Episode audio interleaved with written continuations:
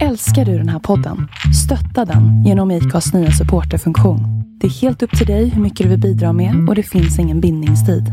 Klicka på länken i poddbeskrivningen för att visa din uppskattning och stötta podden. Hej och välkomna till podden Svenska musiker med mig, André Theander och veckans gäst, André Egbo. Keyboardisten som vid 20 års ålder drog ut med Robin Bengtsson på turné och sedan dess spelat allt möjligt från dansband till funk med Paolo Mendonza.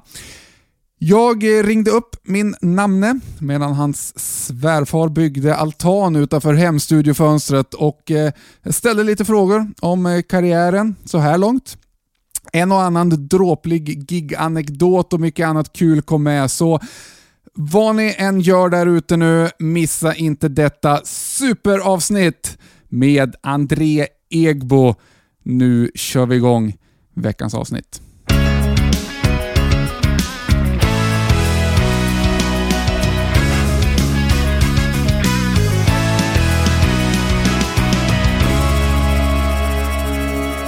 Hej och välkommen till eh, Svenska musikerpodden säger jag till André Egbo. Tackar, tackar, tackar, tackar. Eh, första frågan, hur känns det att heta André?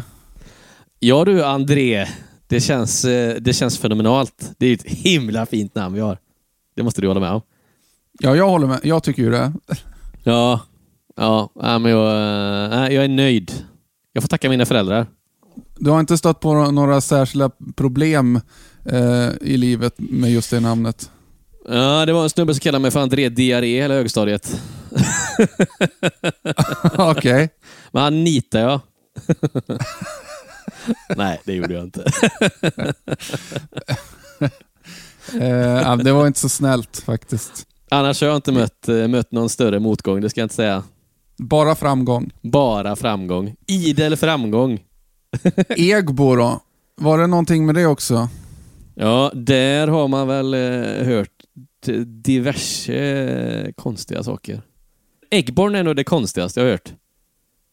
Äggborn? Ja. Det är liksom inte e Egbo, Äggborn. Ja. I vilket sammanhang då? Jag vet inte. Det var någon post, någon brev jag skulle få någon gång. ja, okay. Och ofta när man blir presenterad så har det varit André Eggbo. Ja, Eggbo. Ja. Och det är också konstigt, för det stavas ju inte med Ä och två G liksom. Utan det stavas ju EGBO. Det är ju för fan, det är ju superlätt att säga det. ja, men, eh, men, det, äh, men det är inte helt uh, lätt, tycker jag inte.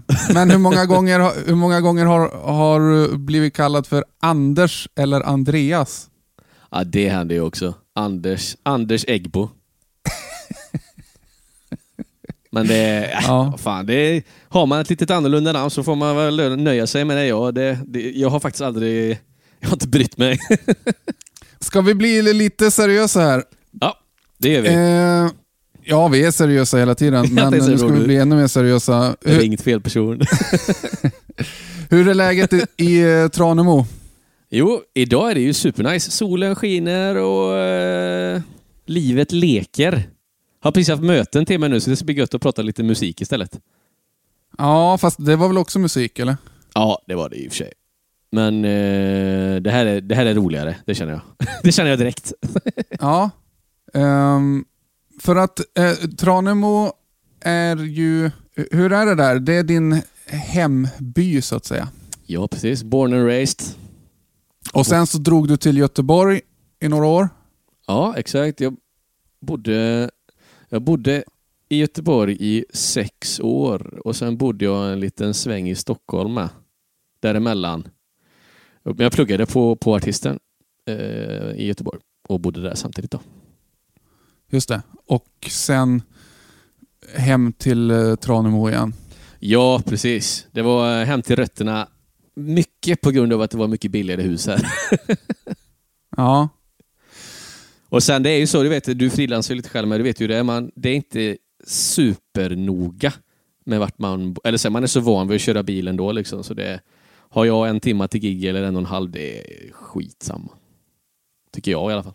Ja, nej men jag tycker det. Alltså jag som Jönköpingsbo, jag menar jag tycker ju nästan att jag är halv göteborgare. Det tar en och en halv Ja. timme att dra dit liksom. Och, och det är liksom typ, det är typ som att åka in till stan. Men, eh, men det finns Ja. ju andra som tycker att det är, är jättekonstigt. Så här, ja, fan, det, är ju, det är ju långt. Men eh, jag tror att det kanske är lite jag som norrlänning från början också som tycker att det är ju typ till grannen. Ja, ja, ja. ja det tror jag ännu mer på faktiskt.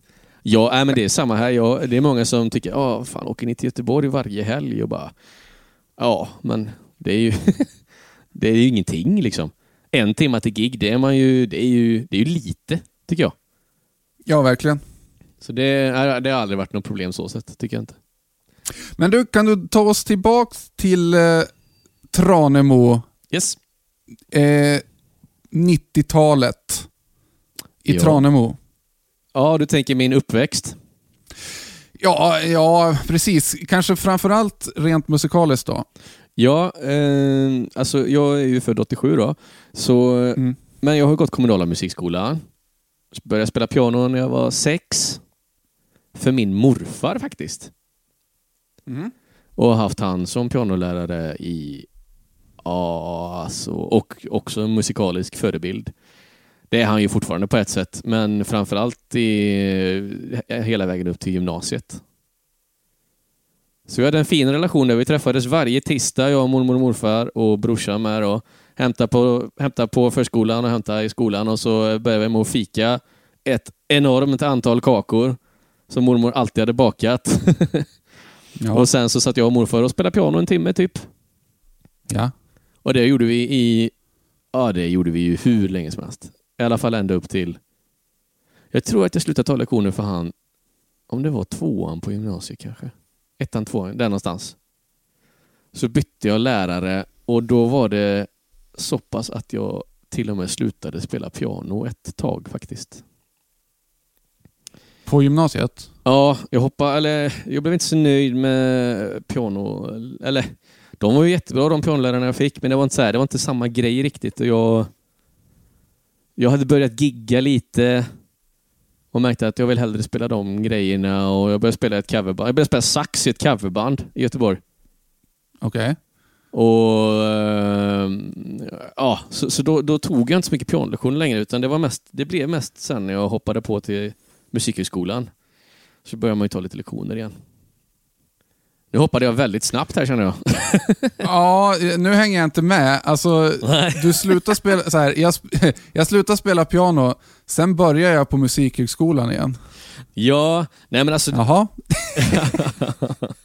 ja, good story man. Din morfar, Ja. var han pianolärare eller? Ja, det var han. Han var rektor på Kulturskolan eh, i Ja, okej. grannkommunen. Och så, så fick vi ju ta lektioner privat för han då, så att säga. Ja. Eh, och då var han ju pensionär precis när vi började spela. Så då hade han ju massa tid för det. Mm. Och, eh, och så spelade vi, spelade igenom alla de här gamla klassiska pianosböckerna, Agnes Stigs och Pianogehör och allt det där. Och så eh, tema tangent. Och det absolut bästa som jag visste med just morfar. Först så spelade han en låt så som det stod i noterna. Sen spelade han den alltid en gång till så som han tyckte att den skulle låta. Ja. Och det var ju tusen gånger bättre. Ja. Och det var också väldigt inspirerande. Och skulle, jag skulle säga att det tycker jag återspeglar sig väldigt mycket i mitt pianospel. Det står på ett sätt, men jag spelar på ett sätt som jag tycker låter gött. ja, men det är ju väldigt mycket en jazz-approach. Ja, men samtidigt morfar alltså han kan ju inte spela jazz. Han är ju sån... Han är ju, han är ju egentligen klassiskt skolad och har spelat och varit ute och, och spelat lite sådär och du vet kupletter och, och, och sådana såna grejer. Och sen jobbat och undervisat som pianolärare i hela sitt liv. Som han, ja. Mm. Men han är ju absolut inte jazz... eh, Jag kunde ju, alltså jag kunde ju ingenting om... Alltså, jag kunde på min höjd spela en Ad 9 kanske på den tiden. Det är ju sjukt jazzigt. Ja, väldigt jazzigt. För han kunde och det var inte hans grej heller, så det lärde han ju mig inte någonting om. Och jag visste, alltså, jag spelade lite boogie och det kunde han ju, men du vet sen så... Det fick jag lära mig mycket senare. Men varför slutade du spela med honom då? Det var ju dumt. ja, ja, visst var det. Nej men det var väl han, alltså... det var väl han själv som märkte att eh, Det är ingen idé. det är kört. Nej, men alltså har du samma lärare i över tio år, det, jag vet inte, har, du, har du undervisat själv någonting? Ja, ja absolut. Jag undervisar mycket. Ja, för då, jag menar, har man en elev under en ganska lång period så märker man ju till slut att den här låter för det första som en kopia av mig. och sen så har man ju inte, alltså man har ju, man kan ju komma med, alltså rent, eh, ur, om man ska tänka ur gig-synpunkt, alltså ur ett yr, yrkesprofession som musiker, där har man fortfarande mycket att ge, kan jag känna. Men rent pianospelsmässigt så har du en elev i tio år, då kommer de ganska långt. Och sen har inte jag så mycket alltså Jag jobbar ju alltid med att försöka avveckla mig själv. Och det tänker man, det har man nog gjort efter tio år. Tycker jag. Avveckla dig själv som uh, lärare? Ja, jag jobbar alltid utifrån att uh, den här eleven ska inte behöva mig längre. Så tänker jag när jag undervisar. Men uh, sen då, om vi tar lite... Vad gick du på gymnasiet då? då gick jag samhällsekonomi. Ja. Och eh, det var ju faktiskt eh, fruktansvärt tråkigt. jag gick eh, ja, men eko ekonomiskt och sen ja, samhällsekonomisk inriktning då. Och, eh, men sista året var jag inte jättemycket på gymnasiet om jag ska vara helt ärlig. Jag vickade lite på kulturskola och var ute och giggade lite sådär. Ja. Eh, så jag, jag kommer ihåg jag gjorde ett projektarbete med mina med mina, ja, mina gymnasiekompisar. Men jag var inte där så mycket. Du vet, så, så, vi, det roligaste var ju att vi åkte till Spanien tio dagar och jag hade en polare som lirade trummor i ett eh, metalband i Barcelona. så vi åkte dit och gjorde ett studiearbete med honom och filmade honom som en dokumentär typ. Vi var ju i Spanien och söp i tio dagar. Är väl summan av kardemumman skulle man kunna säga. Och hade med en kamera. Ja, den filmen vill man ju se. Jag vill också se den. Det var länge sedan. Men vi fick ju Men, bra vad... betyg och sådär. det var ju, vi gjorde en skildring av hur det var att vara ungdom i Spanien och en vanlig ungdom i Sverige. Liksom. Vad kom ni fram till då? Ja du, kommer inte ihåg. Nej, nej, nej okej. Men eh, när där du inte var på, på skolan så mycket, då gjorde du, du satt inte hemma och tittade på TV utan du jobbade och giggade och, och så eller? Ja, Ja. Framförallt så, jag vickade ju mycket på kulturskola. Sen så, hade jag, så spelade jag jag spelade i band och så spelade jag lite olika coverband och hoppade omkring på och spelade på nattklubbar och sådär. Ja. Så det var det som tog över. Men, ja, eh, absolut. Men spelade du sax då eller piano? Jag hängde inte helt med där. Nej, Nej precis. Alltså, det, egentligen så, det där med att lira i band hade jag ju inte riktigt gjort innan. Men det började på, när jag började ettan på gymnasiet så hade man du vet, lite, det fanns ju fortfarande lite ensemblelektioner och sånt som man kunde välja till och körsång och sånt. Mm. Så jag valde ju till varenda musikämne som gick att välja, i princip. Ja. Och så fick jag ganska tidigt börja spela, eller jag fick, jag fick hoppa in och spela med tvåan och treorna. Uh, typ direkt, för att jag, jag lirade keyboard. Det var ingen som kunde lira keyboard, typ. Ja. Så då fick jag spela med de stora grabbarna och det var ju väldigt inspirerande, måste jag säga. Yes. Eller framförallt att få spela med folk som var mycket, mycket bättre än en själv. så tvingas man ju utvecklas ganska fort. Och det var samma, då hade de något coverband, fick hoppa in i det och så spelade vi på lite bröllop och på ja, lite privata fester och sånt där. Och framförallt repa mycket och, och lära sig planka låtar, lära sig planka sounds. Alltså allt, allt sånt där som, är, som är så sjukt nyttigt. Och hade inte direkt någon lärare eller sådär som kunde hjälpa mig med det. Det kan jag tycka att man har, att man har saknat i dels med kommunala musikskolan med då, men alltså att man, man har fått i början får man ju bara gissa. Och nu hör jag det här ljudet men jag har ingen aning om vad det är för ljud. Utan man får bara säga, ja men det här är typ en synt. Det här är, det här är nog ett stråk. ja, men du vet, vissa, alltså, om det är brassljud, det hör man ju ganska tydligt. Om det är ett stråkljud så hör man ju det kanske, men du vet. Jaha, det här är en eh, det här är en sinuskurva genom en square med lite noise på. Du vet, sånt hade jag ingen jävla aning om. Nej, men du menar lärarna eh, när det gäller rent soundmässigt sådär? Ja. Att, att det är någon slags kunskapslucka där, eller? Ja, verkligen. Speciellt, alltså, och det kan jag tycka även i de lite större städerna med. Att det, och sen har man ju inte jättemånga elever som just går åt det här übermusiker-hållet. Att, alltså, jag ska bli frilans-keyboardist när jag blir stor. Det har du Nej. ingen elev som säger. Nej, jag förstår. Så, men, men just mycket hjälp att planka låtar och sånt fick man ju av han som var Juanjo Ochoa Ochovaria, som var ensembleledare.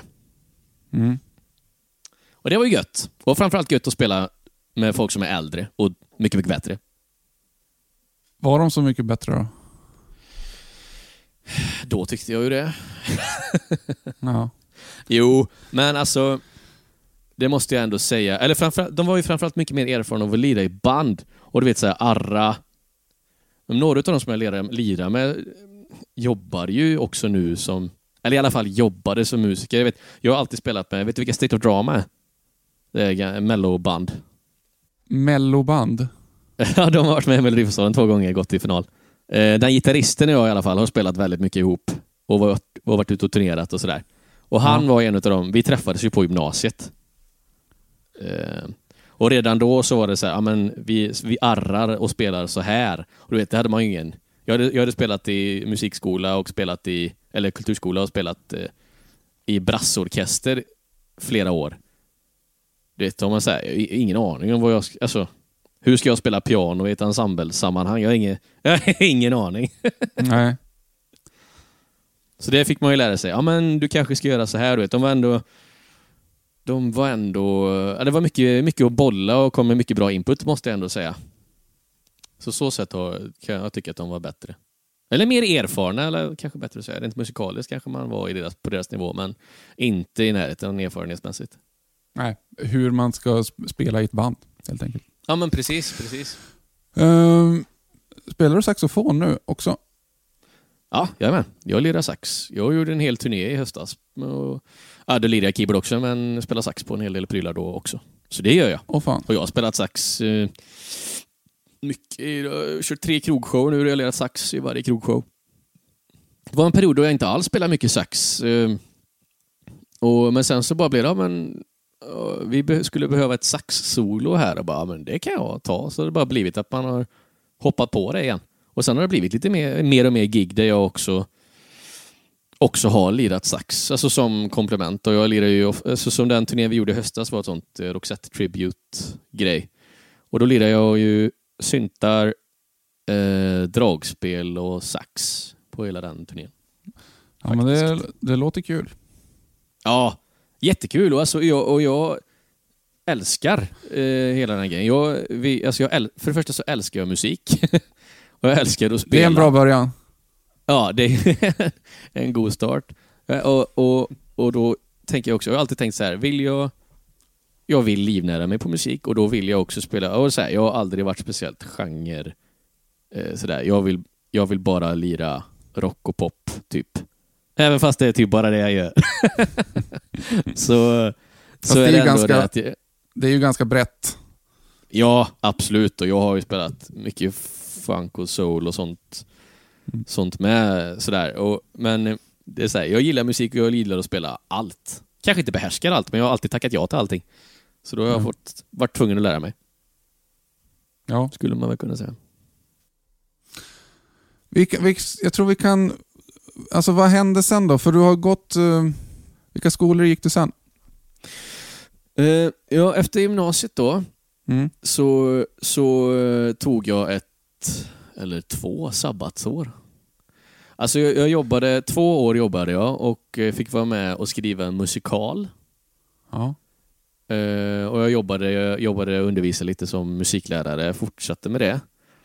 Och eh, sen så hoppade jag på, jag har inte gått någon folkis eller något sånt där, utan jag började direkt på, på musikhögskolan. Eh, och kom väl in egentligen lite ringrostig efter att inte ha spelat, eller övat piano rent akademiskt om man ska uttrycka sig så. På, på, med, på, på någon, utan jag har bara giggat sådär. Och, eh, men sen söka in och sånt där, då sökte jag in till musiklärare. Eh, och, och kom in. Vart då någonstans? Ja, p- eh, på Musikhögskolan i Göteborg, på Artisten. Eh, som eh, ja, alltså klass, klassmusiklärare. eh, gick jag, och det, och det var det jag gick hela, hela utbildningen. Eh, faktiskt. Men sen så första året så eh, kände jag väl kanske att det inte riktigt var, det var inte riktigt min grej, men det var det, det, är lite farligt också kan jag tycka att komma ifrån att ha jobbat som lärare i två år och sen börja plugga och märka att äh, skit man ska lära sig på den här utbildningen som du aldrig kommer att använda. mm. och, eh, så, så då kände jag väl efter ett år att det var inte riktigt, det här var inte så... Det var, jag tyckte att det var mycket jag fick lära mig som jag kände att fan det här vem ska, vem, ska, vem ska ha det här? Eller varför ska jag ha det här till någonting överhuvudtaget? Så då, men då så var det ganska passligt för då så eh, eh, kunde jag åka, fick jag åka på lite turné med en idolsnubbe. Så då tog jag faktiskt ett sabbatsår eh, och började lira keyboard med eh, Robin Bengtsson. Idol, eh, Idol-Bobbe. Robin Bengtsson, ja ja, men det, han är väl inte bara Idol, han har väl vunnit... Nej, han har ju vunnit Melodifestivalen och... Ja, så det tycker jag är lite schysstare att kalla honom för. Absolut.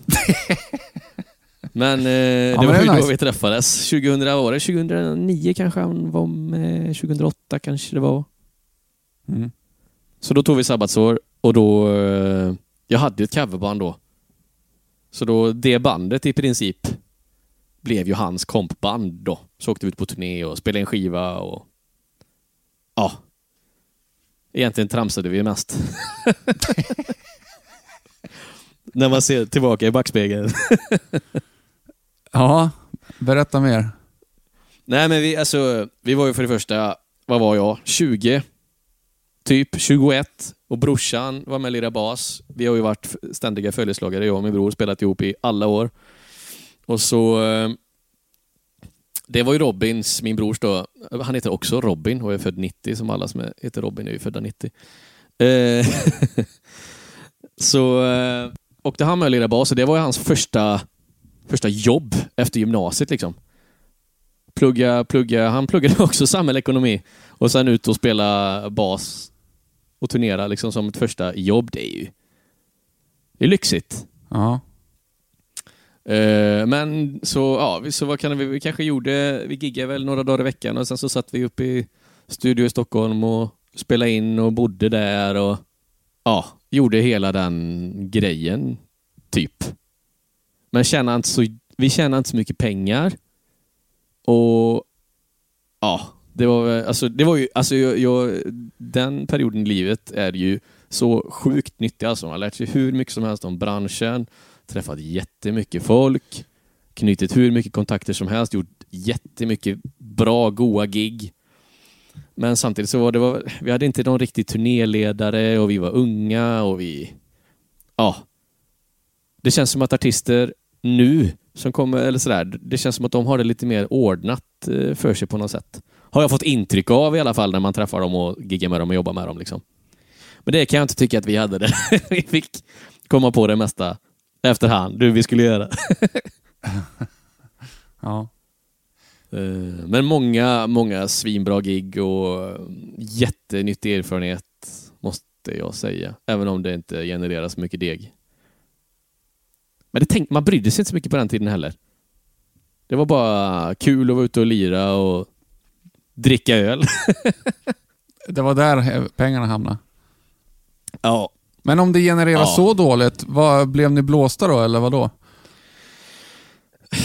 Ja, alltså vi... Utnyttjades ni? Ja, det, det skulle jag ändå säga. Men samtidigt, vi var ju ganska lätta att utnyttja, skulle jag nog påstå. Eller i och med att vi var så unga. Jag menar, mina föräldrar sa hela tiden att ja, men vad var det i gage där? Jag bara, ja, det var lite där och du vet, man hade bott i lägenhet i Göteborg och flyttade hem för att man inte hade kunde betala någon hyra typ. mm. Man åkte, jag vet, vi var på Norrlandsturné och alltså, åkte ju sjuka mängder med mil i bil och fick knappt betalt. mm. Men man tänkte, det var, vi, var, vet, vi var unga, vi skulle erövra världen och, och ut och spela. Var det, det var ju det man ville göra. Man brann ju redan, eller så här, det var ju liksom vad, vad, skulle man annars göra? Det var ju det enda man tänkte på. Man ville ju bara lira. Bara leva det livet. åka och gigga, bo på hotell, dricka gratis bärs. Vilken 20-åring hade inte tyckt det var roligt? Undrar jag. Kanske dagens eh, Snowflake-generation hade tyckt att det skulle varit lite eh, hembryggd IPA-öl och en gurka i logen, men det... Ja. och kravmärkta stickade yllekoftor och sånt där. Men det tänkte vi inte riktigt på då. Nej. Men i gymnasiet förresten, gick ni det i Göteborg eller Tranemo, eller vart var det? Nej, Tranemo. Ja. De har faktiskt gymnasieskola, tror det eller ej. Ja, ja, nej, men jag bara tänkte i och med att ni fick de här giggen, men eh, Robin Bengtsson, var han också därifrån eller? Jo, ja, brorsan och eh, Bengtsson gick ju i samma klass på gymnasiet. Ja, okej. Och så då visste han ju att vi hade Det band. kanske du sa? Nej, det sa jag nog inte. Det vet jag inte, det tror jag inte. Nej. Men de gick i samma klass Säg på det då. gymnasiet. Och så, ja, eh, Robin och Robin gick i samma klass på gymnasiet. Jaha. Och sen var det, gick ju den ena, eller så blev det väl att, eh, ja men, vi har ett band, häng på här. Så kommer jag ihåg att vi gjorde vårt första gig efter Idol på, i Borås tror jag det var. Mm. Nej, det var det inte. Nej. Det var i Ulricehamn. Mhm. Eh, och så var vi på något skivbolagsmöte där, kommer jag ihåg. Eh, och sen så släppte vi en singel och spelade in den i studio och så spelade vi vårt första gig i Borås. På, eh, de har en sån Sommartorsdagarna heter det. Som är svinstort ute, det är typ 10 000 pers i publiken och alltid feta artister och bra liveband. Och så spelade vi där. Eh, och tyckte att vi var svinbra, coola. Alltså jag kommer ihåg det så väl. Står i solbriller allihopa. Ser.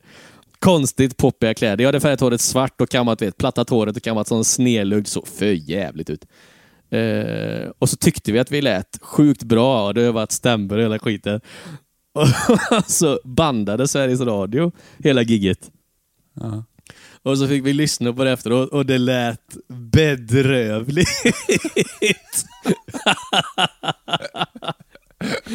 Eh, Vi var så taggade och du vet. Jag kommer ihåg att jag skulle sjunga någon understämma, hade väl inte riktigt pejl på hur jag skulle ha för lyssning i monitor och sådär. Så jag sjunger surt som fan och spelar piano över, alltså det låter piano över hela mixen och nej, det var en chock. Jag tyckte det var elakt att de sände det i radio. Men var inte det ett klassiskt fall av lite över... Vad säger man? Ni var övertända. Ja. Hybris kanske? Så det var ju på ett sätt, vi kom ju ner på jorden. Jag tror också det var jävligt nyttigt för vi kom ner på jorden ganska fort. Ja. Även om vi kände att nu kommer det hända grejer här när vi får spela med han och, och vi har ett band där och vi ska, du vet, Eh, he, hela den grejen. Så då gick vi in och repade. Vi repade ju alltså, jag har ju aldrig repat så mycket som under den perioden i mitt liv skulle jag säga.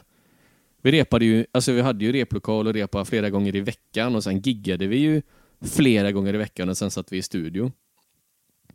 Så i början lät vi ju röv, men sen på slut, eller liksom efter något halvår där med mycket gig och sådär, så lät det ju faktiskt faktiskt helt okej.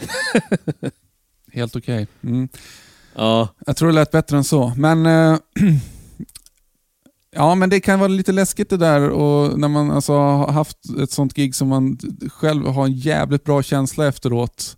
Tänker att fy Ja. fan vad bra det gick. Och sen så är det inspelat. Alltså, man ska nog fan inte lyssna på det sen då. Eller ska man det? För att det kanske är Ja, en, det kan ju vara en, en utvecklande sak att göra också. Ja, men både och alltså. Eh, jag tycker ju om, just under de här åren, nu, alltså, eller nu under själva pandemisäsongen så att säga, så eh, då skulle jag nog säga att jag har gjort några utav mina absolut bästa gig. Rent eh, musikaliskt alltså. För det har blivit en annan grej när man var tvingad. Vi, vi märkte ju ganska tidigt att eh, eh, vi kommer inte få några gig. Vi, körde ju kro- vi var ju husband på en krogshow och jag skulle suttit och, eh, som kapellmästare på, på eh, Rondo liksom.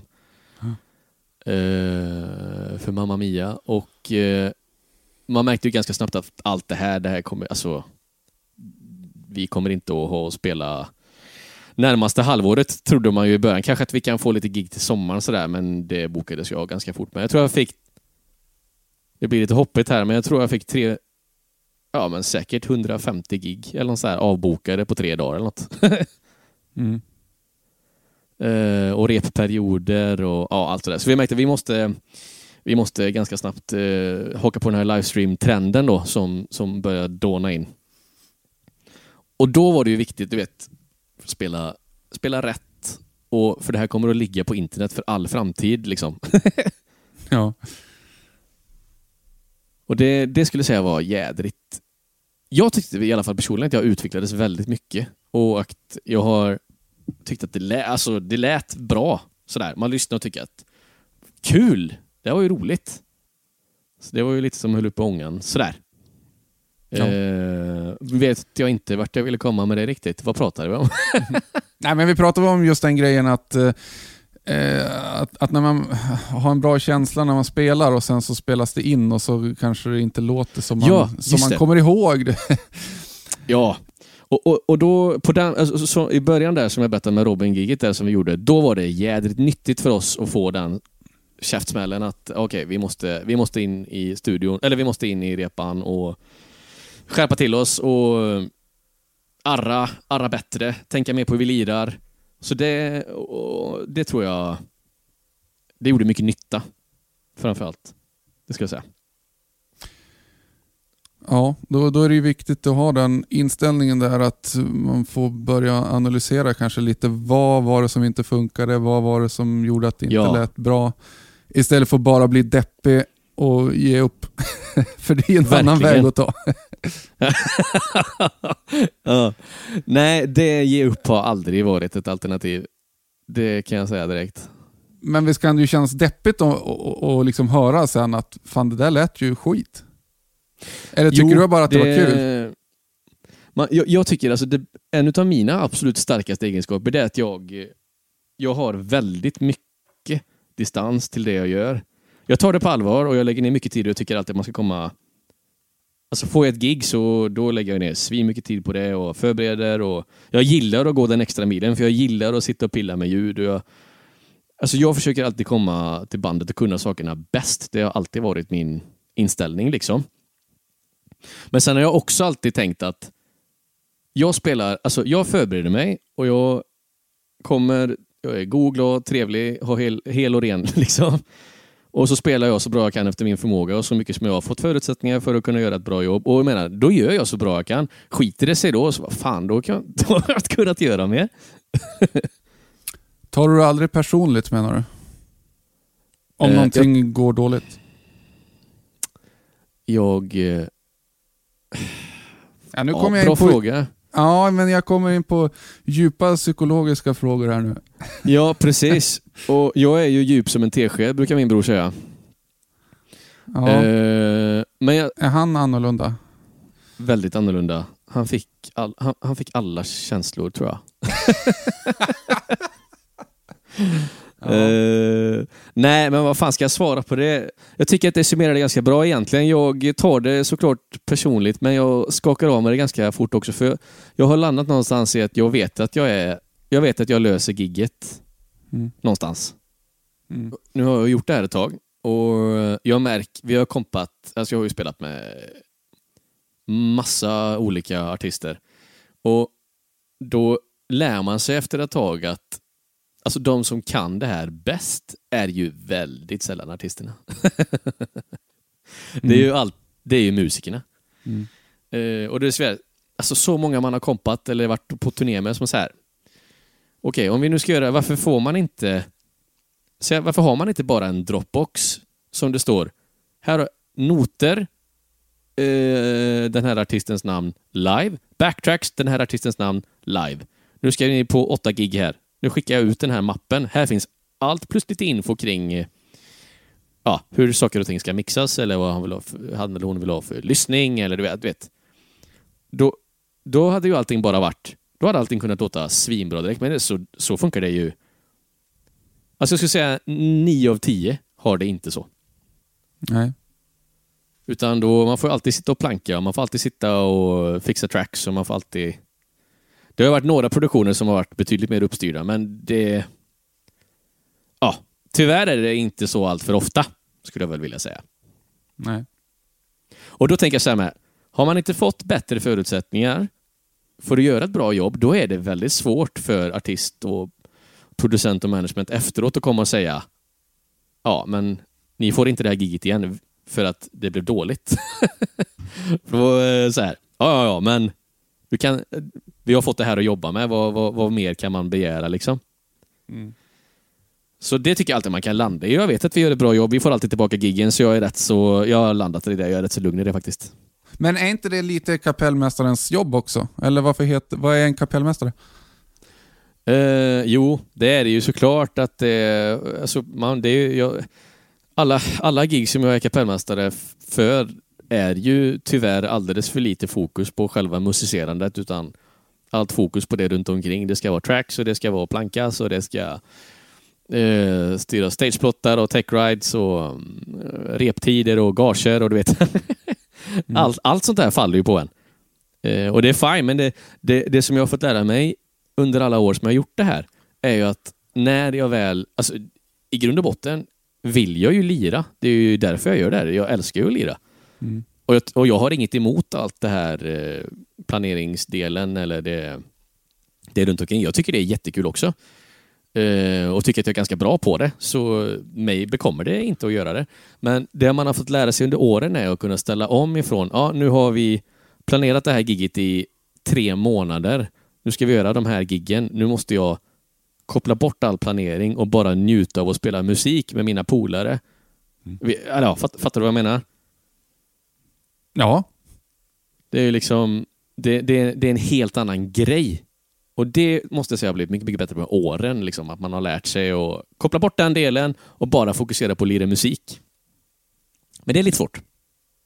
Ja, jo men det fattar jag. Men eh, jag tänkte mer, eh, tycker du att det finns grejer, för jag är lite osäker på exakt vad en kapellmästare i, i, i dess rätta bemärkelse så att säga förväntas göra egentligen? Tycker du att du får mer ansvar än vad du borde ha? Är det grejer utanför det området som du numera förväntas att en kapellmästare ska göra som det inte kanske var tänkt från början när det nu var? Men förstår du ja, frågan? Alltså man blir ju, ja jag förstår, jag förstår. Man blir ju vi skojar alltid om att jag borde starta en eventbyrå egentligen, för det är det vi gör. Det är det man gör. ja. Eh, man planerar ju i princip, alltså ett, om, om man får, eh, vi gjorde ett jätteroligt gig eh, för eh, eh Forever Living eh, härom veckan. Eh, sen gjorde en sändning för deras, alla deras kunder på en internationell nivå. Liksom, så det var kunder från Finland, Danmark, Norge, ja, hela, hela Norden. Och då så här, ja, då behöver vi medlin. Och vi sa, ja men då, då behöver vi, alltså man får ju tänka, de har gjort ett, kommer med ett körschema, ett förslag på ett körschema och då får man läsa att, ja okej, ni har tänkt massvis av musik här. Och ni har skrivit, alltså då kommer sändningen som det ser ut nu är bara, det är två och en halv timme bara musik. Och ni ska ha in massa annat content. Det kanske... det är rätt, alltså då får man ju komma med lite input där. Det kanske inte är kapellmästarens roll egentligen, men i och med att man vet, har kunskap om just den delen av själva eventet så blir det ju att man, om vi ska lösa det här giget så måste vi behöva göra så här. Och det kanske jag känner inte riktigt är mitt jobb. Men det, blir, det faller ändå på en att göra det, för det är ingen annan som kan det. Mm. Eh, var på att det är oftast musikerna som kommer till stället och kan det bäst. Precis. Så shout-out till alla musiker. Nästan alla. till alla utom följande. Ja, precis. Jag vill inte hänga ut någon, men... Nej då. Det, ja, men jag vet inte, var det, en bra, var, det, var det svar på din fråga, tycker du? Ja, det blev ju mera eh, alla musiker egentligen. Eh, men du ja, kanske... nej, men just kap- ja, om man ska fokusera på kapellmästarrollen så tycker jag ju att det är mycket som faller på min lott som egentligen kanske inte borde ligga på mitt bord, men som man ändå gör för att man har kunskap om det. Det skulle jag vilja sammanfatta det. Ja. Kanske hjälper artisten att koppla i sin synt eller keyboard han ska spela på. Eller, alltså, ja. då, då är det återigen, man är så noga om att göra ett bra jobb och man vill vara en god gubbe, typ. så då, hjälp, då hjälps man ju åt. Det är ett samarbete, som sagt. Är man i Göteborg så är det ju väldigt viktigt att vara en god gubbe. Eller hur? ja. Men eh, hur var det att... Eh, för du har turnerat med eh, en eh, jäkligt cool artist tycker jag som heter Paolo Mendonça. Ja, just det. Just det. Ja. Eh, jag har hur- gjort lite, en hur var det? ändå faktiskt. Ja, ja alltså, och, och innan pratade jag om att jag, inte gill, om att jag inte försöker binda mig till någon genre sådär, utan att jag vill spela allt. Men om det är någonting jag kanske föredrar att spela, så är det ju funk och soul, för att det är, det är ju roligt. Liksom. Det är svängigt och det är sådär. Och då är ju hans musik, eh, det faller väl i det facket får man ju ändå säga. Eh, Men vi, alltså det, det som... det- var ju på ett sätt en av de värsta upplevelserna i mitt liv för att eh, jag hade... Jag kom till repet och det, jag vet inte, om man, om man inte är insatt i hans musik så kan man kan väl ganska kortfattat säga att det är det är ganska musikervänligt. det är ju mycket pri, många prickar och många ackord så att säga. ja. Eh, och, och man, det är ingenting du tar på spark liksom. Eh, och så, så kommer jag till första repet. Eh, för, ja, och så skulle vi göra ett gäng med gig. Och så, bara, så började vi repa och så märker jag, ah, fan, aha, det, var, det var inte riktigt det introt jag hade plankat. Okej, fortsätter spela lite. Oh, ah, det var inte riktigt det breaket jag hade kollat in. Okej. och så bara, efter så här, tar vi lite paus och så, bara, så kommer trummisen och bara, du om du är lite osäker så backa hellre då. Spela inte så mycket liksom. Och jag bara, men alltså, jag har kollat in den här skivan som du, eller som, som jag skulle kolla in. Ja, ja, ja, nej men vi kör live-plattan. Schysst. Och jag bara, nej, okej. Det var ju liksom helt andra versioner på låtarna, helt andra former, helt andra breaks, helt andra räkor. Så det har liksom sutt, alltså plankat som bara den och kollat in alltså orgelprylar, brassprylar, elpianoprylar och bara ja, kän, verkligen känt att det här kan jag nu. Och kommer dit och bara ingenting stämmer. Det är typ samma tonart på låtarna. Tusen timmar senare så bara, nej men det där är fel. Ja, då blev jag... Det var rätt svettigt. Eh, så jag fick väl gråta mig igenom det repet typ. Och sen bara, okej, det här plattan är det. Okej, då kollar jag in den istället då. Helt enkelt. och så satt jag med, jag kommer ihåg jag satt med basisten på hotellrummet och bara Ja, okej, vi ska göra de här grejerna. Ja, så vill han köra tre covers med. Ja, okej, vilka är det då? Ja, det är de här. Okej, de går så här. Så fick man typ, jag kommer ihåg att jag pletade ner det på någon servett. Eh, för att bara få någon form och så, så limmade jag fast den servetten på synten och bara Okej, nu kör vi. Samma servett som ni skrev kontraktet på eller? Ja, det var lite så. Det var inte ens något kontrakt. Inte. Men sen, det, jag älskar Paula, han är svingo och vi kom jättebra överens och det var absolut inga hard feelings. Eh, och sen så fick jag ju några gig och vi gjorde, åkte, sen åkte vi på turné i Schweiz då. Mm. Och då körde han som körde turnébussen körde fyra timmar fel på autobahn. Eh, så vi, vi skulle gjort skulle gjort några gig där, men jag tror till och med, alltså jag kom, första hotellrummet som vi övernattade på, tror jag vi typ så här checkade in klockan två på natten. Och sen åkte vi, tog typ frulle i någon doggybag och fick bränna mot autobahn till giggen, ja det vi skulle göra i Schweiz då. Så det var lite stressigt. Men roligt, goa gig och alltså jag som sagt, det, jag gillar den grejen och bara hänga med folk som gillar att spela musik och sitta ner och käka god mat och ja, hela den grejen. Det vem, skulle, vem gillar inte det? Tänker jag. Ja. Det hade nog alla gillat. Det, det var det att man behöver ju lära sig att spela också. Ja, det är ju det. Du måste kunna någonting med. Ja, ja inte alla. Nej, nej, nej. nej. Så är det ju. Nej, så det var väl en eh, skräckblandad förtjusning. Men sen var det supercool när vi väl giggade. Då var det lugnt. Hur var publiken på den turnén? Var det bara musiker i publiken? Eh, och, Hur fan ska jag eh, kunna veta det säger du då? Nej, precis. Nej, men jag gick ju inte runt och tog... Jag satt ju inte sen ingen enkätundersökning direkt så, men... eh, jag kan ju tänka mig att det är betydligt fler. Ja, men det är väl lite som att gå på en Toto-konsert kanske. Eh, Men det är samma, alltså... Jag blir så förvånad ofta över när band eller artister man lirar med vad de har för fanbase. Jag vet, jag har vickat i Barbados några gånger. Eh, som är en sjuk kontrast till att eller lira med Paolo exempelvis. Ja. Eh, det är ett helt annat gig och så blir man så här. Man tänker dansband, tänker man, ah, det är ju bara det är mina föräldrar i 60-årsåldern som går på dansband. Men det, så går gör man några gig med dem och så är det så här, fan det är ju 18-19-åringar som kommer att lyssna på dem. Liksom. Och då blir man, det, det, jag tycker det, det är ju superkul, det är ju roligt alltså. Eh, men det är inte det jag tänker om jag tänker på ett gig med Barbados, så tänker jag en dansbandspublik. Men det är ju inte riktigt ett dansband på det sättet. Så. Är giggen med Barbados inte liksom... Är, är det inte för folk som är där för att dansa? Är det mer som en konsert menar du?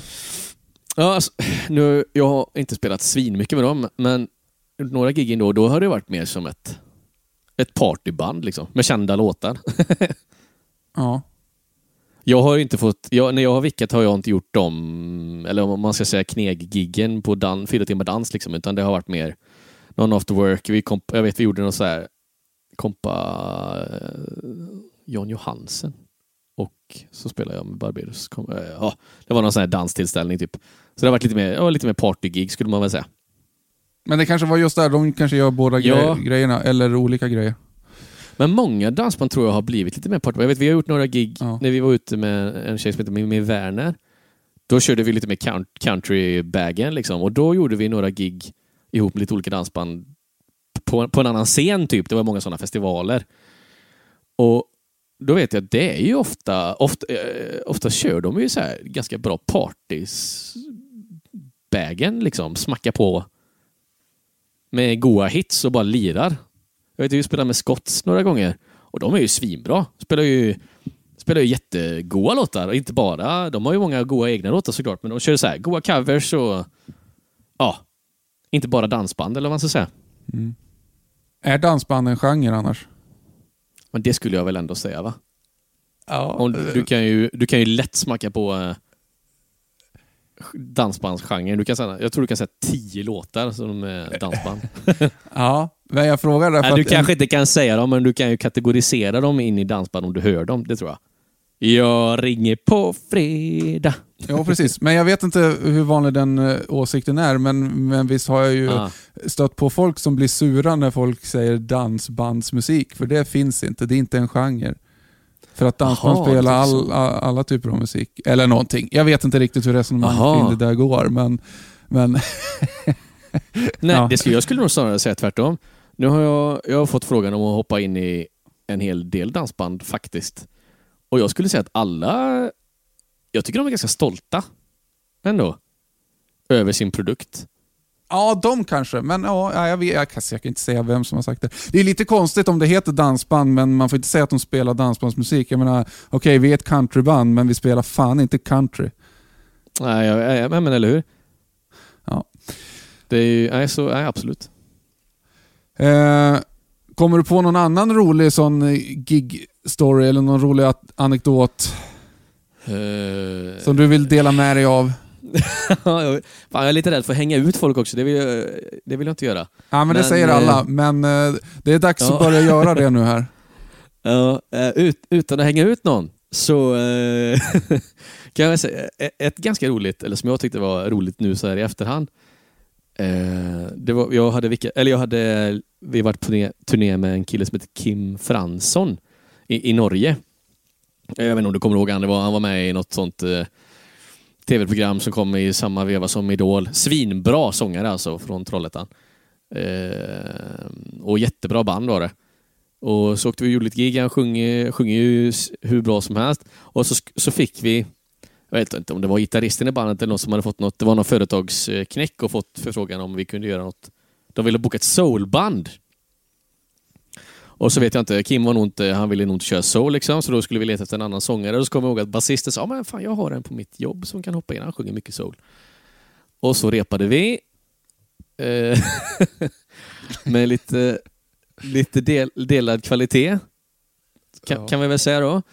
Eh, och så, det här, det här är ju typ tio år sedan nu, så det här måste ju vara preskriberat. Eh, så, ja, men- så man fick typ så här, hjälpa, hjälpa eh, sångaren in på, här kommer refrängen, och då börjar du här. Liksom. och så skulle vi göra gigget. och kommer till, det var typ, och vi hade, jag hade ingen aning om vad det var för gig, det var någon, någon annan bokare. Kommer vi dit och bara, ja, så märker vi att fan, de kommer hit med rullatorer liksom. Det är typ någon så här Rotary-stämning och så giggar vi mitt i stan bredvid, du vet den här strippklubben Chat Noir. Så redan där var det så här, okej, okay, vad, är, vad är det här för gig? och man kommer in och märker att ah, det här är någon sån ordenpryl. Och så går vi upp och så kommer inte sångaren på soundcheck för han sitter och super på krogen.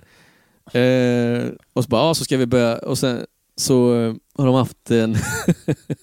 vi, ska, vi ska börja lira då, runt tio snåret och så direkt när vi kör igång så bara kommer en gubbe och bara Sänk för helvete! och jag bara oj, oj, oj. Och då har de ändå haft en så här Carola-imitatör där en timme innan som har liksom stånkat igång det. Ja. Eh, och så, eh, ja, okej, okay, men vi får ta en paus här då, så ni hinner bli lite fullare, tänker vi då. Så vi, vi går upp ta en timme och då, då skjutsar de upp lite, eh, typ en fem, sex flaskor champagne upp till logen. Fint ska det vara. För ja, fint ska det vara. Och för, för övrigt så var ju logen så ut som ett, eh, alltså du vet, typ som en kungasal, skulle man kunna säga. Med massa så här sköldar och svärd och rustningar och en tron i mitten. Så i, eh, i den här tronen sitter då sångaren och bara suller i sig flaska efter flaska med champagne och limmar på den här Carola-imitatören. Eh, så ska vi gå ner och köra och, bara, och så märker man ju fan det här kommer vi gå käpprätt åt skogen. Sångaren tar, tar sin så här trådlösa mick och går omkring och bara, ska vi köra, jag kommer inte ihåg vad det var för låt, säg att det var, säg att det var någon eh, Knocking on Heaven's Door eller något säger vi. Så går han och tar med sig micken och går ut i publiken och bara börjar dansa med dem och så här, slöddrar sig igenom halva Knocking on Heaven's Door. Var på party som ska gå på efter står så här, fan det här, det här, så här skruvar upp sin egen mick och börjar sjunga i refrängerna för att han tycker att det låter så illa. och då så ser man ju på sångaren och bara, han, han blir, han blir stött liksom, han blir sur som fan. Så han tar av sig sin hatt som han har på sig och bara sular iväg den på DJen och bara fortsätter att sjunga, men går ut från lokalen. Och bara så här. Och så ser man på mixerbordet att fan, den rör ju på sig. Och sen så bara... ah, han kommer inte tillbaka. Var är han? Då har han satt sin taxi och åkt hem.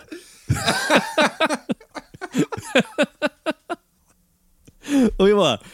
Ja, vi, har ju, alltså, vi har ju minst ett set kvar att köra. Fan, vad ska vi göra?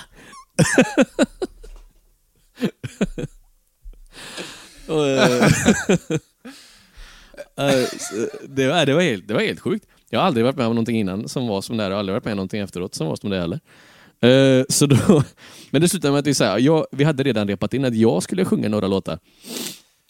Så jag, så här, jag fick sjunga färdigt typ några Stevie Wonder standard soul hits. Och sen bara fick vi, vi måste ta en paus, vi måste eh, ja, kolla hur vi fanns vi ska lösa det här. Och så slutade det med att vi bara så här, går, ner, går backstage och bara, ja vad gör vi? Och gitarristen är så arg så han, han hittar någon så här, du vet, tvättställ som de hänger upp eh, dukar och sånt för dukningen och bara böjer det på mitten för att han är så förbannad. Eh, och så kommer arrangören och bara, ni måste, ni måste lösa det här. Och, då, och det slutar med att de bara säger, ja men vi får köra upp all skumpa till där vi hade våran loge. I den här kungatronsalen. Där står en flygel. Och, så du får sitta och spela lite barpiano medan de eh, bara sitter och sular i sig skumpa och typ så bara, ja, absolut, så jag satt nog och spelade barpiano i typ två timmar efter gigget bara för att de skulle bli nöjda. det var, nej, det var en konstig, konstigt gig. Oh, ja, alltså jag har inte hört riktigt vad du har sagt här efter. Där någonstans efter att han... ja. Jag ser ju liksom det, det här framför mig också. Vad går? Ja, full som en jävla kastrull och bara... Sular iväg sin hatt och blir arg och sätter sig i en taxi och åker hem. Vad hände med honom och micken sen då? Och du, jag vet inte. Jag eh, tog... Såg du aldrig röken av sen? Nej, och vi skulle ses dagen efter och rigga ner han var inte ens med på frukosten. Jag tror inte han ens kom och plockade gaget faktiskt. Jag fick hans gage för att jag hade satt, jag satt och spelade barpiano i två timmar. För att du räddade hela grejen. Ja, det skulle man väl ändå säga att jag gjorde. Eh, och sen, men vi har ju inte giggat ihop efter det. Jag tror inte att han kommer att ringa igen. Nej. Samtidigt är det ju såna här grejer man kommer ihåg. Absolut, och jag menar, jag skulle inte, jag tyckte inte det var speciellt jobbigt då heller, men jag skulle inte vilja varit utan det. Det är en erfarenhet. Alltså alla, det, det skulle jag egentligen sagt med min morfar. Där. Han, morfar har alltid sagt, du ska aldrig tacka nej till en spelning. Det har han sagt till mig hela mitt liv. Mm. Och det är någonting jag verkligen har tagit med mig också, den anledningen till att jag själv tror att jag har alltså kom, eller ändå fått den erfarenheten. För jag har tackat ja till allting. Typ. Det har, alltså, det vet, jag lyssnar ju på podden med, när du pratar med Öjvall och det blir ju lite samma grej här, men för han var ju inne på lite samma spår där. Take alltså har någon gig. frågat om... Ja, precis. Take the gig. Och det är ju lite samma där som morfar alltid har sagt. Du ska aldrig tacka nej till en spelning. Så har jag fått en fråga om att ja, men vi ska spela, jag behöver en jazztrio. För jag ska spela ett um, um, Lill-Babs program. Eller vad heter hon som sjöng jazz? Fan, dålig story det blev. Vad hette hon som Eh, sjöng jazz? Bra Ja, men fråga. jättekänd ju. Svensk. Monica Zetterlund? Precis. Alltså, så jag få, har fått en fråga om jag behöver sätta ihop en jazztrio för att jag ska köra en Monica Zetterlund tribute-pryl typ. Så jag tackat ja till det, även om jag kanske inte alls behärskar den genren, vilket jag inte gör än. På något sätt. Utan jag, så har jag ändå tackat ja. Övat som fan. Eh, och sen gjort giggen liksom. Och det är samma med Paolo när jag fick den frågan. Då kände jag väl kanske inte alls att det här är ingen musik jag på ett sätt behärskar. Eller egentligen ens lyssnar på. Men jag tycker det är roligt. Och så ringer ju det här kvar att fan, tacka aldrig nej till en spelning. Och då tackar jag ja. och så märker man, oj shit, fan vad jag måste öva. Så övar jag som bara den. Och så gör man giggen. Och på något sätt så kommer man ju stärkt ut ur det här, tror jag. Mm. Och det, jag tror också det är skönt att man har lite den självdistansen att jag gör det här och jag vill göra det så bra jag bara kan och jag lägger ner mycket tid på att det ska bli bra. Men också, vad gör det om tio år och ingen dog? jag tror det är viktigt att ha med sig, annars så, det är också, det, branschen är ju som den är, det vet ju du också. Det är ju på ett, alltså jag, jag har ju utvecklat någon form av hatkärlek till den här branschen. Jag älskar att jobba i den och jag hatar också att jobba i den. Eh, varvat med gångerna. Oftast älskar jag det. Ja, Men det är mycket, det är ju det är upp och ner så är det ju. Eh, och då måste man nog kanske ha den här distansen lite, tror jag. Jag tror det är superviktigt faktiskt. men vad är det du hatar mest med den då? Eh, jättebra fråga. Det är väl osäkerheten som ändå finns på ett sätt.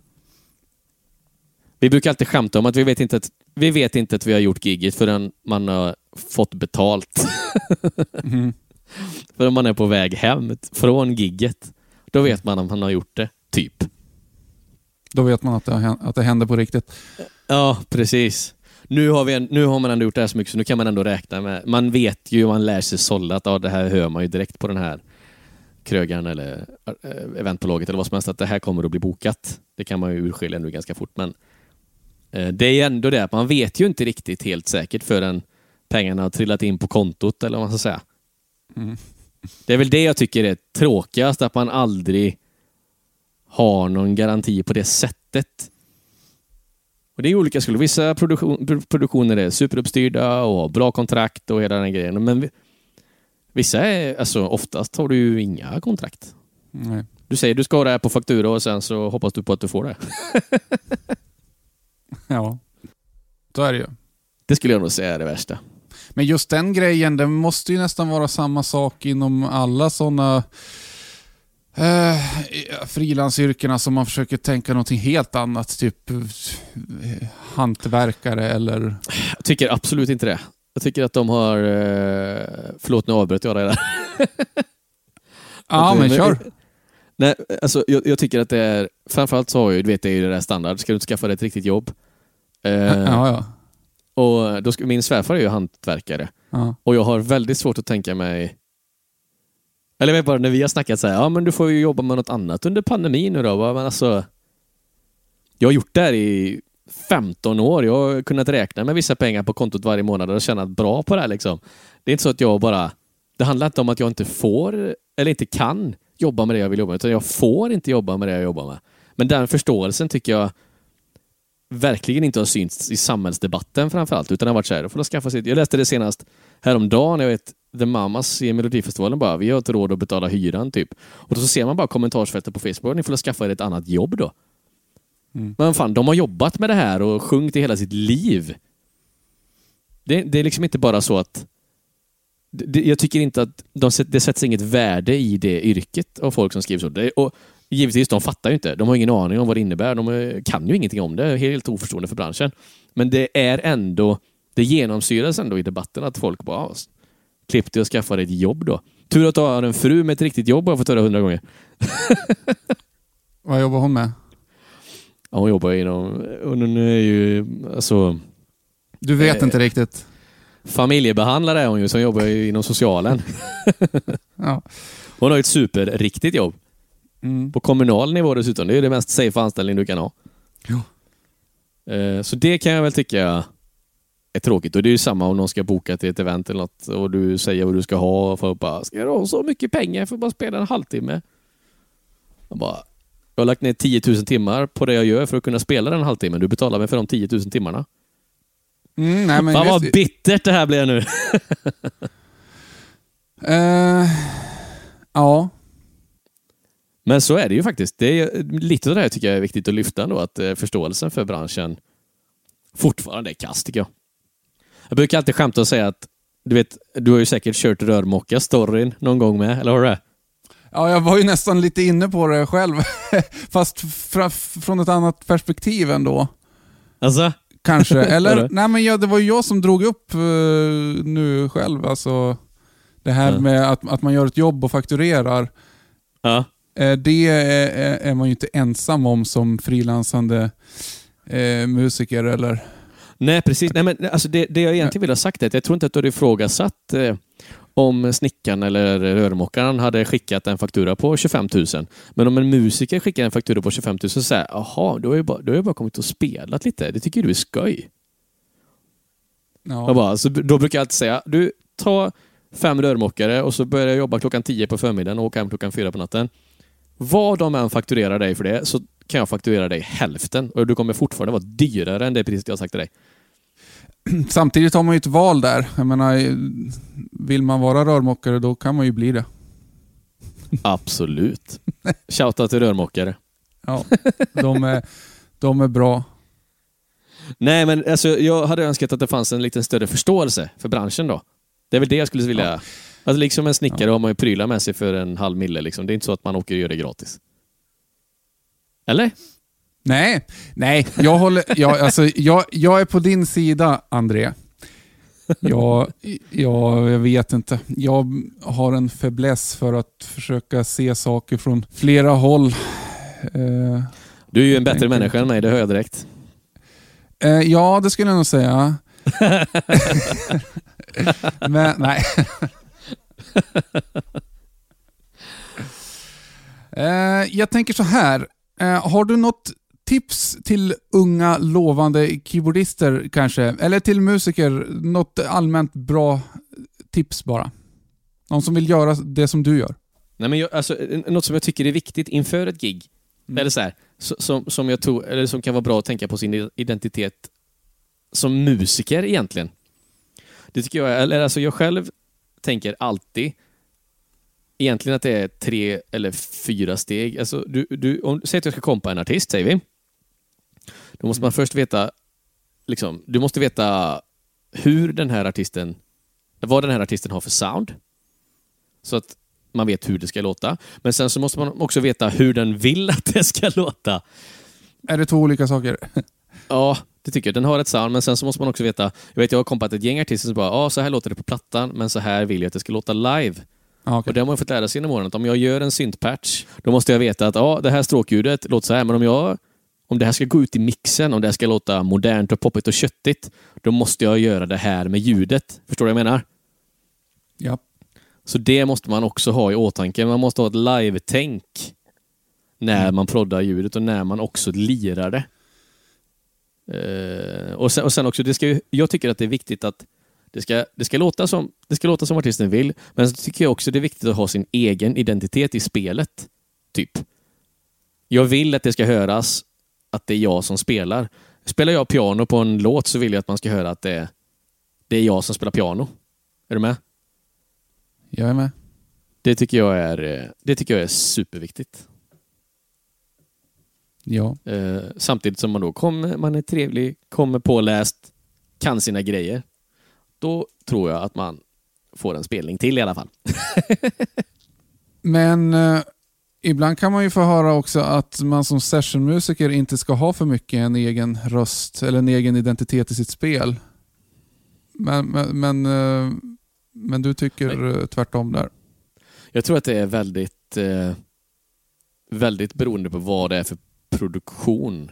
För jag menar, ska du ha att det bara ligger en att det bara ligger en pad och skvalpar i bakgrunden, det kan du i princip lika gärna spela in på ditt midi-klav hemma.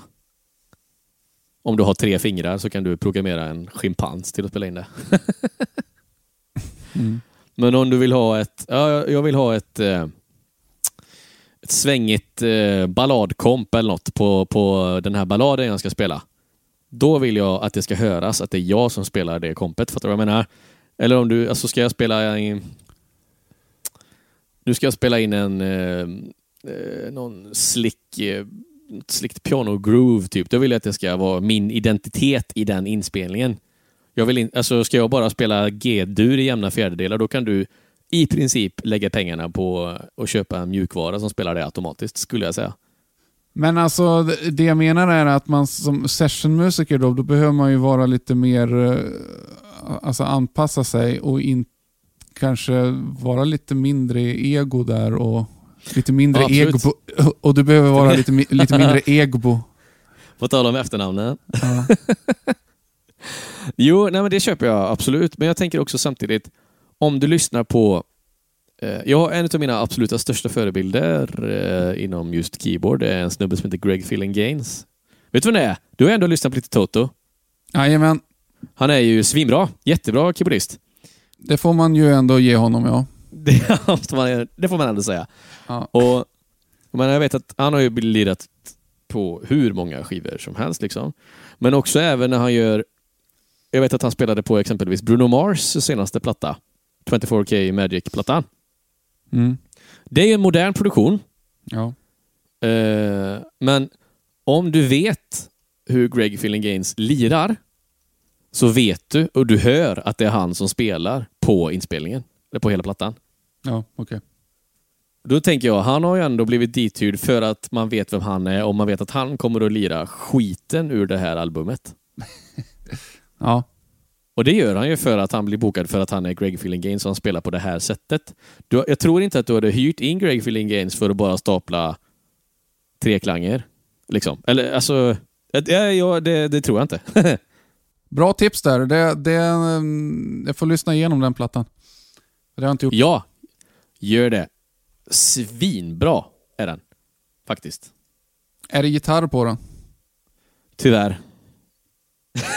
Ja, det är ett, eh, ett, ett djävulens påfund. Ja, nej då. Det, jag älskar gitarr. Men eh, ja, det är mycket gura. Ja, när ska du skaffa ett riktigt jobb då? Nej. Jag har ju på ett sätt ett riktigt jobb. Ja, Det, det har jag ju fått med mig ifrån mina föräldrar att eh, du måste alltid ha något att falla tillbaka på. berätta om det då. Eh, för övrigt en mening jag aldrig kommer säga till mina barn. Falla tillbaka på. Ja, du behöver inte alls ha något att falla tillbaka på. Det är bättre att du vill du någonting så gör du det stenhårt istället. Det ska jag lära mina ungar. Ja, det där går ju i generationer för då, så kommer de säga som dina föräldrar sa till dig, kommer de säga till sina barn sen. Precis. Så blir det varannan generation så. Nej men berätta om ditt riktiga jobb. Jo, absolut. Jag undervisar ju. Eh, Jag är ju faktiskt utbildad musiklärare. Jag eh, har läst eh, så att jag är både utbildad pianopedagog och utbildad klasspedagog i musik. Jag tror jag har 320 högskolepoäng i pedagogik faktiskt. Det Bra där. kan man inte tro. Jo, men dina elever märker väl det? Ja, det tror jag. Eller man framförallt, ja, alltså, och jag, alltså, det måste, jag älskar att undervisa, jag tycker det är svinkul. Eh, och jag älskar att undervisa både i klass och i eh, alltså enskild undervisning. Jag tycker det, det har sina tjusningar alltihop. Och framförallt träffa folk som tycker det är kul med musik. Ja. Vad tycker du på riktigt då? Nej, jag, jag tycker det på riktigt. Ja. Det är klart att alla jobb har sina baksidor sådär och framförallt är det, tro- alltså, det som är värst är väl egentligen att du jobbar i en kommunal verksamhet där det aldrig finns pengar till någonting. Du har visioner och, och tankar och sitter med ena foten i en annan bransch där man kanske smackar på lite och jobbar ut, alltså efter event och eh, komponartister och sådär och ser att det är en annan det är en annan peng. Det är klart att det är ju budgetar där och så också, men eh, det är verkligen två helt olika världar. Och Jag tror att det är väldigt bra att vara med ena foten i livebranschen för att se om man har någon elev som kanske vill jobba i den branschen som man ändå har när man har eh, elever på kulturskola och på estet och sådär. Då vet man vad som krävs för att de ska kunna göra det. Det är många kultur, alltså speciellt av det äldre gardet som kanske var ute och giggade mycket på 60-70-talet men- och for- for- fortfarande jobbar som och undervisar men inte riktigt vet hur branschen fungerar eh, längre. Och det ser jag en stor brist. Och sen folk lär sig inte på samma sätt eh, idag som man gjorde för bara 15 år sedan. Alltså när du och jag gick i, eh, på kulturskola då i alla fall någon gång övade man ju på läxan och hade ett litet mål med det man ville göra. Men kids idag är inte riktigt likadana. Nej. De har sett en, någon snubbe spela eh, svinsnabb gitarr på, på Youtube och tror att de 30 sekunderna på det klippet är det enda de har lagt ner för att spela det. De ser ju inte de två dagarna det tog för att spela in det klippet, editera filmen och sen lägga upp den. Det är ju Programmera- med... Programmera Allt allting i Guitar Pro och sen sätta ett coolt sound på det och sen sitta och mima till. Eh, Ja men, exakt. Det, alltså, det är ju hela den TikTok-generationen är ju helt förstörd alltså. Ja, det är kört. Ja, men jag, jag, eh, det, alltså då, det man, eh, 15, alltså så här, om, man, om man ska se hur ett dans, om, man- om man är professionell dansare liksom, så ser man någon som gör eh, svincool koreografi och, och sådär och det har kanske tusen views. Så ser man någon, eh, två eh, fnittriga tjejer eh, med konstigt smink eh, dansa 15 sekunder till en dålig TikTok-dans liksom och det har så här flera miljoner views. Så är det. Vad är, vad är kvaliteten i det? Det är ju det är för fan ingen kvalitet. Det är knappt underhållning. Nej, men så är ju du en gammal gubbe också. Absolut. Nej, men har du TikTok? Eh, nej, jag har Använder aktivt valt att inte använda det. Jag försöker ju se det med mina barn. Alltså, Youtube är ju också en fantastisk källa till information och till grejer och sådär. Det finns mycket underhållning. Men man måste ju verkligen vara med och sålla med vad det är de ska titta på, typ. Mm. För de kan, alltså, annars blir de ju bara som zombies som står och scrollar och inget värde överhuvudtaget. Nej, det är frågan vart det tar vägen med allt det där. Men hur märker du det i, i undervisningen ifall du har barn? Eller var det lite det du Ja, absolut. började med det? Ja, nej men alltså jag tycker bara, jag har jobbat och undervisat väl i princip sen till och från sen 2006 när jag gick på gymnasiet. Mm. Men jag tycker att bara, alltså det har hänt mycket bara de senaste tio åren.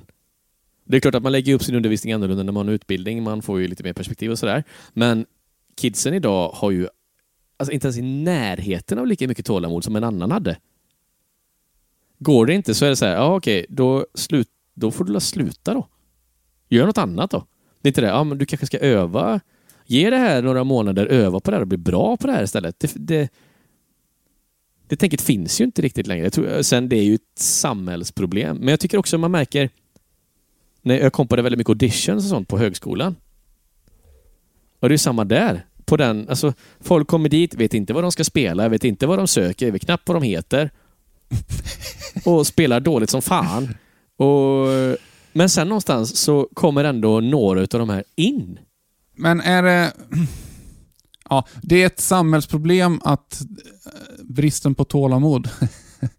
Ja, men det är ju så att eh, det här belöningscentret ska ska hela tiden få sin lilla dopaminkick och det får du ju inte av... Det får, alltså om man tar till musik, du får ju inte den här kicken förrän förrän det säger klick, förrän du har kommit över gränsen till att faktiskt kunna det. Och, kunna, alltså, så här, och sen ännu mer när du börjar spela ihop med andra eller börjar uppträda inför folk och få den bekräftelsen. Alltså, då händer ju någonting. Då utvecklas man ju. Men vägen dit är så här, du, nu måste du hela tiden uppmuntra elever. Alltså, jag jobbar ju, jag skulle säga att jag jobbar mycket, mycket, mycket mer med att eleven inte ska sluta än vad jag gör med att eleven lär sig någonting. Tyvärr. Oj, det låter inte bra. Nej, det låter superdeppigt. Men alltså, man får ju, alltså, eller jag skulle säga att jag har lagt om min undervisning väldigt mycket så att man jobbar mycket, mycket, mycket mer utifrån eleven. För lite, för, och som jag också märker på det äldre gardet, då kunde de sitta med sina pianoböcker och bläddra sida.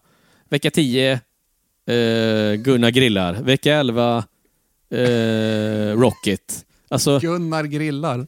Ja, det är en. För de som, för de som jobbar med eh, grundskola och har gitarr vet vem vad Gunnar Grillar är. ja, ja, den har jag missat. Men, men alltså, vad gör du då, då om du inte spelar piano med då? Jag spelar piano gör jag ju alltid. Jag försöker Ja. alltid att lira. Alltså vi, jag spelar ju alltid med mina elever. Och men vad menar du att du, att du gör eh, annorlunda? Man jobbar ju mycket mer i... Alltså, förr så kunde jag säga, jag vet att den här... Jag vet att för att utvecklas så behöver vi spela det här. Nu har man med sig för att tänka, okej, vad går på radion just nu? Det spelar vi och det får vi ta och utveckla ifrån den här eleven. Jaha, den här eleven gillar... Eh, eh, älskar Dua Lipa. Då får vi spela Dua Lipa-låtar. Eh, så alltså det är mycket, mycket mer förarbete idag. Man måste ju, då måste jag planka kanske tre Dua Lipa-låtar och spela dem med den här eleven och så, ja ah, fan, okej, nu har vi bara lärt oss att lägga ackorden. Om du skulle kompa eh, Dua Lipa hon ska sjunga det här på, eh, hon ska inviga ett Starbucks klockan nio på morgonen. Då måste du kunna kompa henne på bara piano. Hur gör vi då? Och så tar man det därifrån liksom. Och så måste jag säga att det inte är många som jag har sett jobbar i alla fall. Jag förstår vad du menar. Du, vi ska faktiskt ta och börja avrunda detta lite grann nu, tyvärr. Eller ganska mycket faktiskt. Jag har egentligen bara en sista fråga till dig här. Ja, kör. Önskegäst i podden. Eh, jag, åh, bra fråga. Och nu kommer jag ju säga keyboardister då kanske. Ja, men det är okej. De är också musiker. De är ju det. Eh, de bästa musikerna är de ju såklart. Ja. Eh, ja. Jag, jag börjar nästan tycka det jag med. Är det det? Ja. eh, jag känner ju inte personligen, men en, en som jag hade väl lyssnat på, typ Andreas Landegren kanske? Hade varit kul. Han som är, kap, han är kapellmästare för Lotta på Liseberg, exempelvis. Ja. Eller Robin, Robin Svensson. Han är kapellmästare för eh, Så ska det låta har han ju varit. Mm. Och eh, de här Diggiloo-turnén, eller eh, ja, Diggiloo-turnén och han har spelat med alla liksom. Han är god. ja. Bra tips. Ja. Mattias Bylund kanske. Han är också bra keyboardist. Han känner jag inte så väl heller, men eh, han verkar rolig. Ja, det är en fördel. Och han, som är, han är kapellmästare i Bingolotto ju. Och har skrivit massa... Han har ju pratat åt Justin Timberlake och massa coola grejer. Coolt är bra. Coolt är ju bra. Och coolt.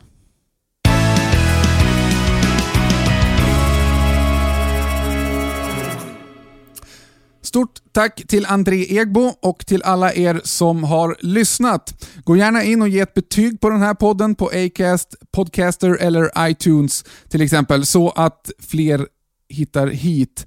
Det är till stor hjälp. Vill ni fortsätta hålla koll på vad Egbo gör så finns han på Instagram som Andregbo. Alltså Andregbo i ett ord, A-N-D-R-E-G-B-O. Ni kan också surfa in på egboentertainment.com för att boka eller kontakta honom.